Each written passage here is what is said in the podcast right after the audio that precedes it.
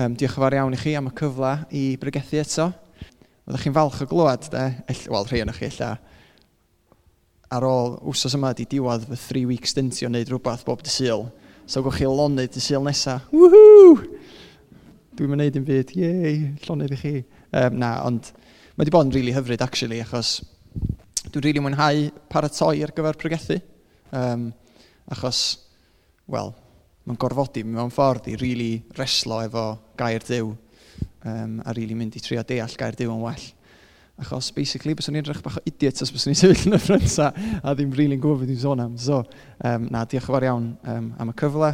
Um, Wsos dwytha, i rhai o'n chi oedd yma pan ma'n i'n pregethu, um, nes i gamu allan o'r thema da ni wedi bod yn, yn trafod um, o ran bod yn bobl sydd yn llawn o'r ysbryd um, neu bod yn eglwys sydd yn llawn yr ysbryd. Um, a nes i sôn am y Samariad Caredig, ac oedd hwnna'n rili really neis, achos oedd o'n neis mynd yn ôl at stori cyfarwydd, um, a gobeithio nad pobl gael bendith allan o hwnna. Um, ond hen yma, da ni'n mynd i fod yn camu nôl i fewn i'r gyfres eto, um, os dyna'n iawn, um, a lle well i edrych ar gwaith yr ysbryd glân o fewn yr eglwys na'n actau.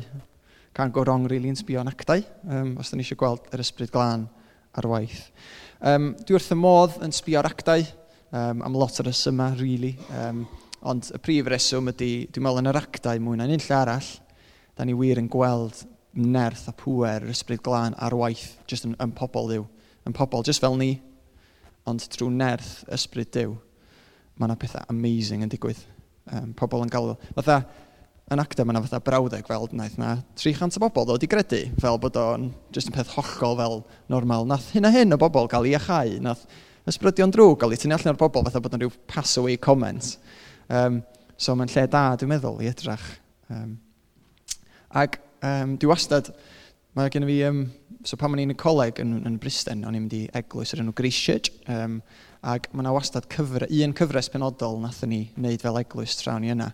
Um, a cyfres ar actau oedd hwnna, mae hwnna dal yn, yn sefyll yn ynghof i um, o'n amser i yn y coleg, oedd fel mae lot o bobl yn licio atgoffa fi blynyddoedd yn ôl. Um, ac ag um, enw'r gyfres yma, pan maen nhw'n sbio drwy actau, oedd momentum. Achos dyna, da ni'n gweld yn yr actau, ydy jyst momentum yr efengil yn mynd allan, momentum yr eglwys yn tyfu, momentum um, gwaith Dyw yn, yn mynd ar led. Um, Mae'n mynd allan um, fel tân gwyllt, dim fireworks, ond wildfire um, yn llythrenol. Dach chi'n pan mae yna um, dan a mae'r tân yn, yn lledu a bron sy'n byd, mae neb yn gallu gwneud i stopio'r tân yna weithiau. A fel a dyna da ni'n gweld yn, yn actau ydy efengil Dyw yn mynd allan mewn ffordd nerthol a grymus. Ac mae o'n rili really erchill ar un, ar un um, ffordd, ond hefyd yn amazing yn y ffordd arall, lle un o'r rhesymau pan mae'r efengil yn mynd allan mor dda yn yr actau ydy achos bod yr eglwys yn cael ei erlyd. So mae Cresnogion yn cael ei erlyd, a trwy erledigaeth, mae'r pobl yna'n mynd i ffwrdd, a wedyn maen nhw'n mynd i ddeud wrth pobl eraill ni, lle maen nhw'n mynd. So mae'n mae, mae dew yn defnyddio Cresnogion yn cael ei herlyd i rannu i'r neges yna fynd allan. Um, ar ôl i, um, so mae Steffan um, yn yr actau, mae rhain chi'n gwybod mae'n siŵr yn cael ei labyddio, a da ni'n clywed um, ar ddechrau pen y dwyth y geiriau yma, um, sydd yn sôn am pam mae'r efengel yn mynd allan. O'r diwrnod hwnnw ymlaen, dechreuodd yr eglwys yn Jerusalem gael ei herlyd yn ffyrnig. A dyma pawb ond yr apostolion yn gwasgaru drwy Judea a Samaria. So mae'r eglwys yn cael ei erlyd a mae Cresnogion yn mynd. Mae nhw'n dianc am ei bywydau. Ond trwy wneud hynny, mae gymaint o bobl yn cael clywed yr efengil fysa ddim wedi, os bys nhw wedi aros lle oedden nhw. A mae hwnna wedyn, yr hanes yna wedyn yn arwain i mlaen i lle da ni heno yma. Um, so, da ni'n mynd i fod yn, um, yn darllen hanes um, Philip ar Ethiopiad heddiw yma, neu Philip ar Einich, yn rhai cyfeithiadau. Um, ac dwi'n rili really hoffi'r hanes yma, achos mae o yn glir iawn um, yn hanes o'r ysbryd glân yn arwain Christian, yn arwain Philip yn yr achos yma, um, i wneud rhywbeth penodol am reswm penodol. Um, so, dyna ni ddarllen efo'n gilydd um, a wedyn nhw'n i trio dehongli beth sydd gynnu fe ddeud. So, nice i symud ffordd fel pobl yn gallu darllen. Um, so, roedd Philip wedi cael neges gan angel yr arglwydd yn dweud wrtho, dos i lawr i'r de i ffordd yr anialwch, sef y ffordd o Jerusalem i Gaza. Aeth Philip ar unwaith, a ffonedd ar ei ffordd, dyma fe'n dod ar draws einych, wedyn swyddog pwysig yn llywodraeth y Candace, sef Brenhines Ethiopia. Fe oedd pennaeth ei thrysorlus, Roedd wedi bod yn Jerusalem yn addoli Dyw ac roedd yn darllen llyfr proffwydoliaeth Ezeia wrth deithio yn ei gerbyd ar ei ffordd adre. Dyma'r ysbryd glân yn dweud wrth Philip, dos a rheda wrth ymyl y cerbyd acw. Felly, dyma Philip yn rhedeg at y cerbyd ac roedd yn clywed y dyn yn darllen o lyfr proffwydoliaeth Ezeia. Felly gofynydd Philip iddo, wyt ti'n deall beth rwyt ti'n ei ddarllen? Sut allai ddeall heb i rywun esbonio i mi? Meddai'r dyn. Felly, gofynodd i Philip fynd i eistedd yn y cerbyd gyda ge. Dyma'r adran o'r ysgrifau sanctaidd roedd yr unig yn ei ddarllen. Cafodd ei arwain fel dafod i'r lladddu, yn union fel mae oen yn dawel pan mae'n cael ei gneifio. Wnaeth ei ddweud dim. Cafodd ei gam drin heb achos llysg teg. Sut mae'n bosib sôn am ddisgynyddion iddo? Cafodd ei dorri i ffwrdd o dir y byw. A dyma'r unig yn gofyn i Philip. Dwed wrtho i ydy'r proffwyd yn sôn amdano ei hun neu am rywun arall? Felly, dyma Philip yn dechrau gyda'r um, rhan honno o'r ysgrifau sanctaidd ac yn mynd ati i ddweud y newyddion da am Iesu wrtho. Wrth fynd yn ei blaenau, dyma nhw'n dod at le um, lle roedd dŵr. Edrych, meddai'r unig, mae dŵr yn y fan yma. Oes yna unrhyw reswm pam, ddyl, uh, pam ddylwn ni ddim cael fy medyddio? Rhoddodd o'r chymyn i'r cerbyd stopio wedyn, aeth gyda Philip i lan, ei lawr i'r dŵr, a dyma Philip yn cael yn ei fydyddio yn y fan y lle. Wrth iddyn nhw ddod yn ôl allan o'r dŵr, dyma ysbryd yr arglwydd yn cipio Philip i ffwrdd. Wnaeth yr unig mo'i weld ar ôl hynny, ond daeth yn ei flaen ar ei daith yn llawen. Cafodd Philip ei hun yn asotus, yna aeth yn ei flaen i Caesarea gan gyhoeddi'r newyddion da ym mhob un o'r trefi ar y ffordd hanes illa'n cyfarwydd i lot, um, hanes illa'n newydd i bobl. Um, so beth sy'n digwydd? Bach o gyd-destun felly. Um, so ni'n dechrau'r hanes yn clywed um, am Philip. Um, oedd Philip yn un o saith um, o ddynion oedd wedi cael ei dewis gan um, y Cresnogion yr Eglwys Fore yn Jerusalem. Um, saith oedd wedi cael ei ddewis yn benodol i edrych ar ôl y gymuned Cresnogol newydd yma. Um, achos oedd niferoedd yn tyfu ac yn tyfu ac yn tyfu, ac oedd pobl yn, yn, yn cael eu methu, oedd na gweddwon, oedd yn, oedd yn, grŵp, oedd yn grŵp penodol o bobl oedd yn cael eu methu, um, a ddim yn cael y gofal, ella oedd nhw'n oedd nhw fod i gael. So mae'r saith yma yn cael ei dewis i edrych ar ôl y gymuned o Grisnogion. Um, o'n i'n gwybod hyn, o'n i eisiau ddysgu hyn wrth baratoi. So, y Philip yma yn cael ei gyfeirio at bobl fel Philip yr Efengylwr, sydd yn berson gwahanol i Philip, um, yr apostol, oedd yn un o'n ddisgyblion Iesu, so person gwahanol. Um, a mae Philip wedi cael um, ei ddewis fel un o'r saith um, oedd yn cael ei gweld fel am yn deud yn, yn, yn, yn penod chydig yn gynt pan maen nhw'r saith yn cael ei ddewis. Dynion mae pawb yn ei parchu ac yn gwybod ei bod yn llawn o'r ysbryd glân. Dynion sy'n gallu gwneud y gwaith. Dyna pan maen nhw'n cael ei dewis, achos maen nhw'n ddynion um, sy'n cael ei barchu. A'r prif reswm am hynny ydy achos bod nhw'n ddynion sydd yn cael ei adnabod fel bod nhw'n llawn o'r ysbryd glân. A mae Philip, um, chydig cyn hyn, wedi bod yn treulio amser yn Samaria, yn pregethu, um, yn rhannu am y newyddion da, um, ac mae wedi gwneud llwyth o wirthiau yn hygoel, mae wedi bod yn tynnu ysbrydion drwg allan o bobl, mae wedi bod yn iachau pobl um, sydd efo afiechydon a sydd yn sal, Felly, da chi'n gallu dychmygu i, i, i dron y bit of a crowd erbyn y pwynt yma, swn i'n meddwl. Yeah. Os, di, os da chi'n gwybod bod rhywbeth fel yna mynd ymlaen yn rhywle, da chi probably yn mynd i fod, os da chi rhywbeth fel fi anyway, yn mynd i fynd yna i watchad. Yeah, A mynd i fynd yna i weld beth i'r sôn, beth sy'n mynd ymlaen. Um, so, fysa fod, yeah, you would have drawn a bit of a crowd ar y pwynt yma. Um, so, chydig bach o, o drosolwg o beth da ni'n newydd allan. Um, so, yn yr hanes, da ni'n gweld, um, o da ni'n darllen bod Um, Philip, er ei ddechrau'n cael neges gan angel yr arglwydd yn deud wrtho fo mynd lawr i'r de i gyfeiriad Gaza ar y ffordd o Jerusalem i Gaza.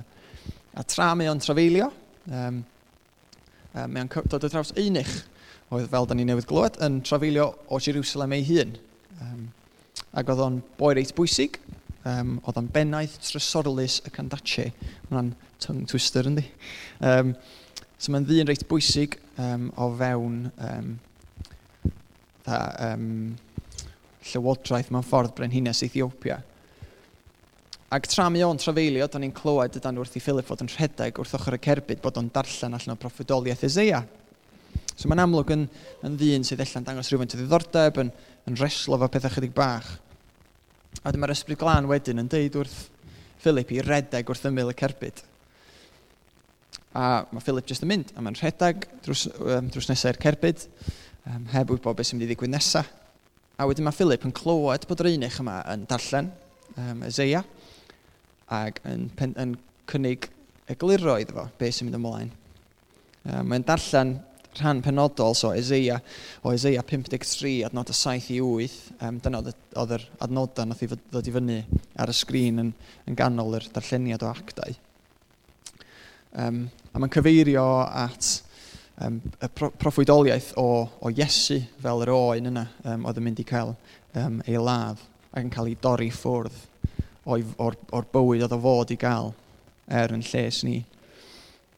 Philip wedyn yn mynd ymlaen i esbonio hynna, um, achos ydy'r unig ddim yn dall, mae'n cyfadda bod o'n dall, achos gyda fo neb i esbonio fe iddo fo.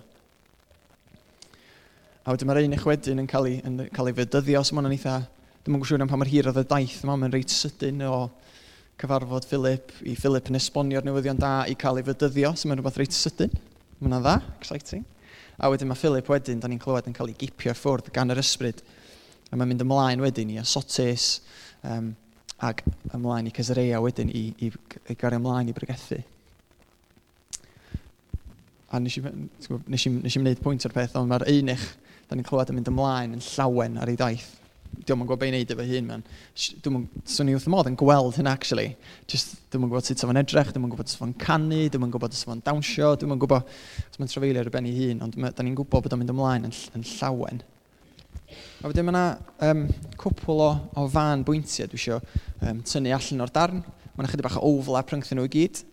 Um, mae yna lot yn digwydd, um, ond dwi'n mynd i edrych ar cwpl o bwyntiau a trio tynnu chydig o, o wirioneddau allan o'r hanes. A'r un cyntaf sydd ar y sgrin y fanna ydy y pwynt o parodrwydd Philip i fynd. Bod Philip yn barod i fynd. So, da ni'n gwybod uh, am Philip bod o'n ddyn oedd yn llawn yr ysbryd. Um, dyna pam gafodd o'i ddewis i fod yn un o'r saith. Da ni hefyd yn gwybod bod wedi gwneud gwirthiau rhyfeddol yn Samaria, bod wedi bod yn pregethu, bod wedi bod yn iachau pobl, bod wedi bod yn tynnu ysbrydion drwg allan o bobl a bob math o wirthiau eraill siŵr o fod sydd ddim yn cael ei, ei nodi So da ni'n gweld pwer ysbryd glân yn, mewn Cristion. Dyna da ni'n gweld yn Philip. Ac ar ôl i...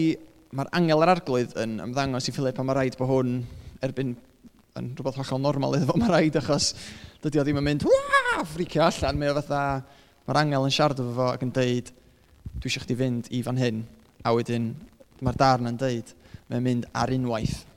Diolch yn gofyn cwestiynau, Mae'r angel yn deitha fo, dwi eisiau chdi fynd i fan hyn, a mae'n mynd. Dyna sy'n mae'n gweithio. Mae'n barod, mae'n mynd. Mae'r angel yn deitha fo fynd, a mae'n mynd ar unwaith.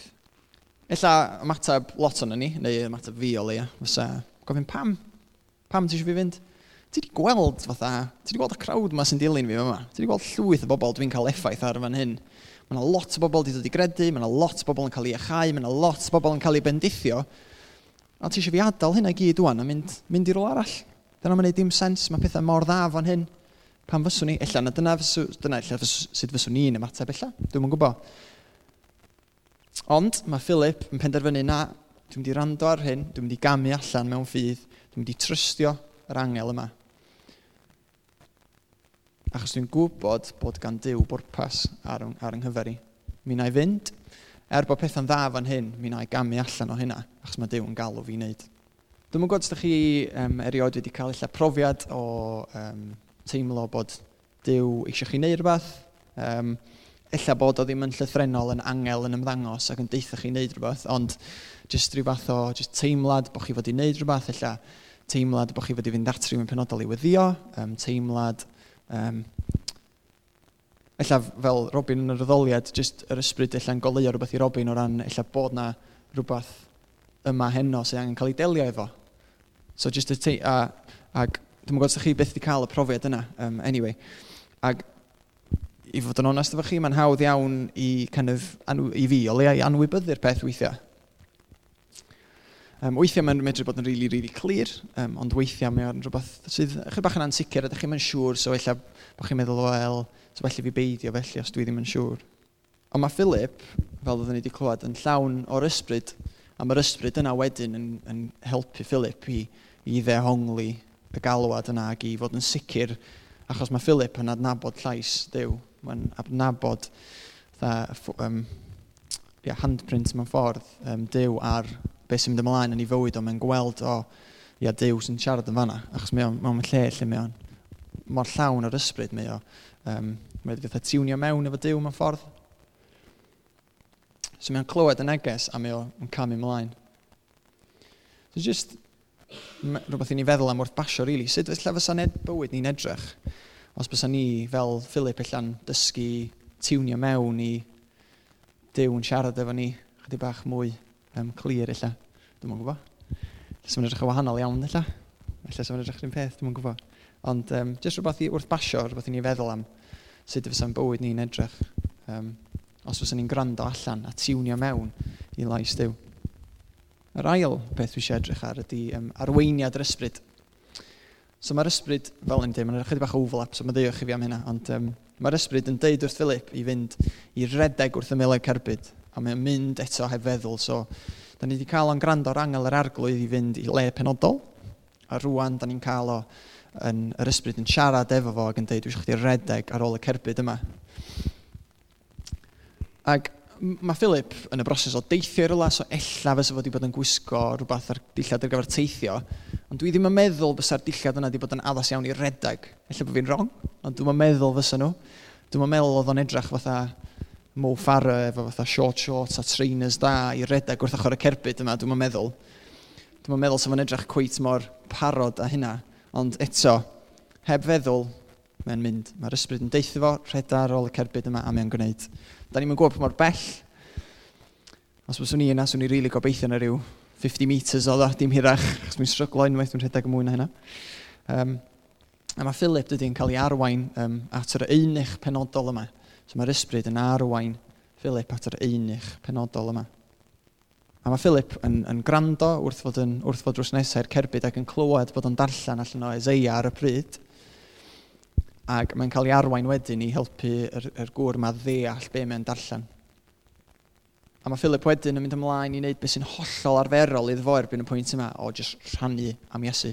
Dyna mae'n neud, dyna mae wedi bod yn neud, dyna mae o wedi gweld sydd yn, cael, sydd yn newid bywydau pobl. Mae'n mynd ymlaen i jyst rhannu am Iesu, yn syml iawn yn rhannu am Iesu, trwy nerth yr ysbryd. Ac mae'r mae Beibl dydy yn llawn hanesion o, o bobl yn cael eu harwain gan yr ysbryd llwyth o enghreifftiau o bobl yn cael eu arwain gan yr ysbryd. E, mae Paul e, yn hwyrach ymlaen yn actau e, yn cael ei arwain nôl i Jerusalem. So mae Paul ar y pwynt yma yn amlwg wedi...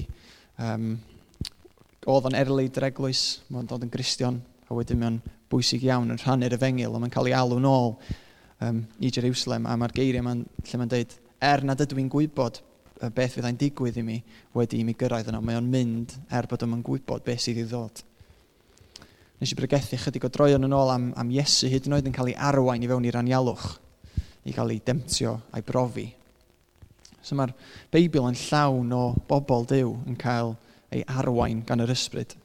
Ac os ydych chi isio, beth isio um, fel summary lot gwell na fe drai wneud mewn pregath ar be mae, sy'n mae bywyd yn yr ysbryd yn edrych fel deb llen o chryfiniad 8. Um, mae'n llawn adnodau sy'n cyfeirio at byw yn nerth yr ysbryd. So, os ydych chi'n mynd adra hyn yma, ydych chi'n meddwl, be mae Rodri wedi siarad am am 20 munud, jyst darllenwch rhyfiniad 8, ac um, wnaethon nhw'n neud job gwell na fi. Um, a da ni'n gweld um, yn mywyd Philip ac yn mywyd gymaint o Grisnogion eraill um, yn y Beibl, yr ysbryd yn arwain. A mae hwnna jyst yn un agwedd bach o waith yr ysbryd. Ac yn drydydd, hyn yma, um, dwi jyst eisiau edrych ar yr syniad o, o bwer gair. Jyst bwer gair yn syml. So mae'r hanes, dwi'n meddwl, yn reit glir, dydy bod na bwer rhyfeddol mewn jyst rhannu'r efengil, rhannu'r newyddion da am Iesu, rhannu am fywyd Iesu. Dyna mae Philip yn neud, dyna sydd yn arwain i'r einych fod eisiau cael ei fedyddio, a dyna sy'n arwain i'r einych fod yn gadael, yn llawen ac yn dathlu wrth i o fynd o'na. Mae Philip, fel da ni wedi darllen, yn, yn, um, yn deud y newyddion da am Iesu wrtho. Dim byd arall. Dyna ddim yr atho fancy sales pitch. Mae'n hawdd meddwl am hynna weithiau, fel Cresnogion, fatha, mae rhaid i fi gael rhyw fath o... A mae pethau fel ma'n pethau da yn ei lle, cael fatha strategies o sut fedrwn ni gyflwyno'r efengil y pobl. Um, a mae'n hawdd cael yn caught up yn meddwl, da ni angen rhyw fath o pethau fel fancy, yn enwedig, dwi'n meddwl, da ni'n allan eog o neu hyn fatha'n clwb i eingtid, achos da ni'n meddwl, fatha, da ni eisiau gwneud pethau'n relevant, da ni eisiau gwneud pethau um, mor um, hawdd i ddeall a phosib. Ond weithiau mae yna just nerth a pwer, wel, bob tro, mae yna just nerth a pwer, yn, just yn gair diw, yn darllen y Gair diw, yn cyflwyno bobl i Iesu.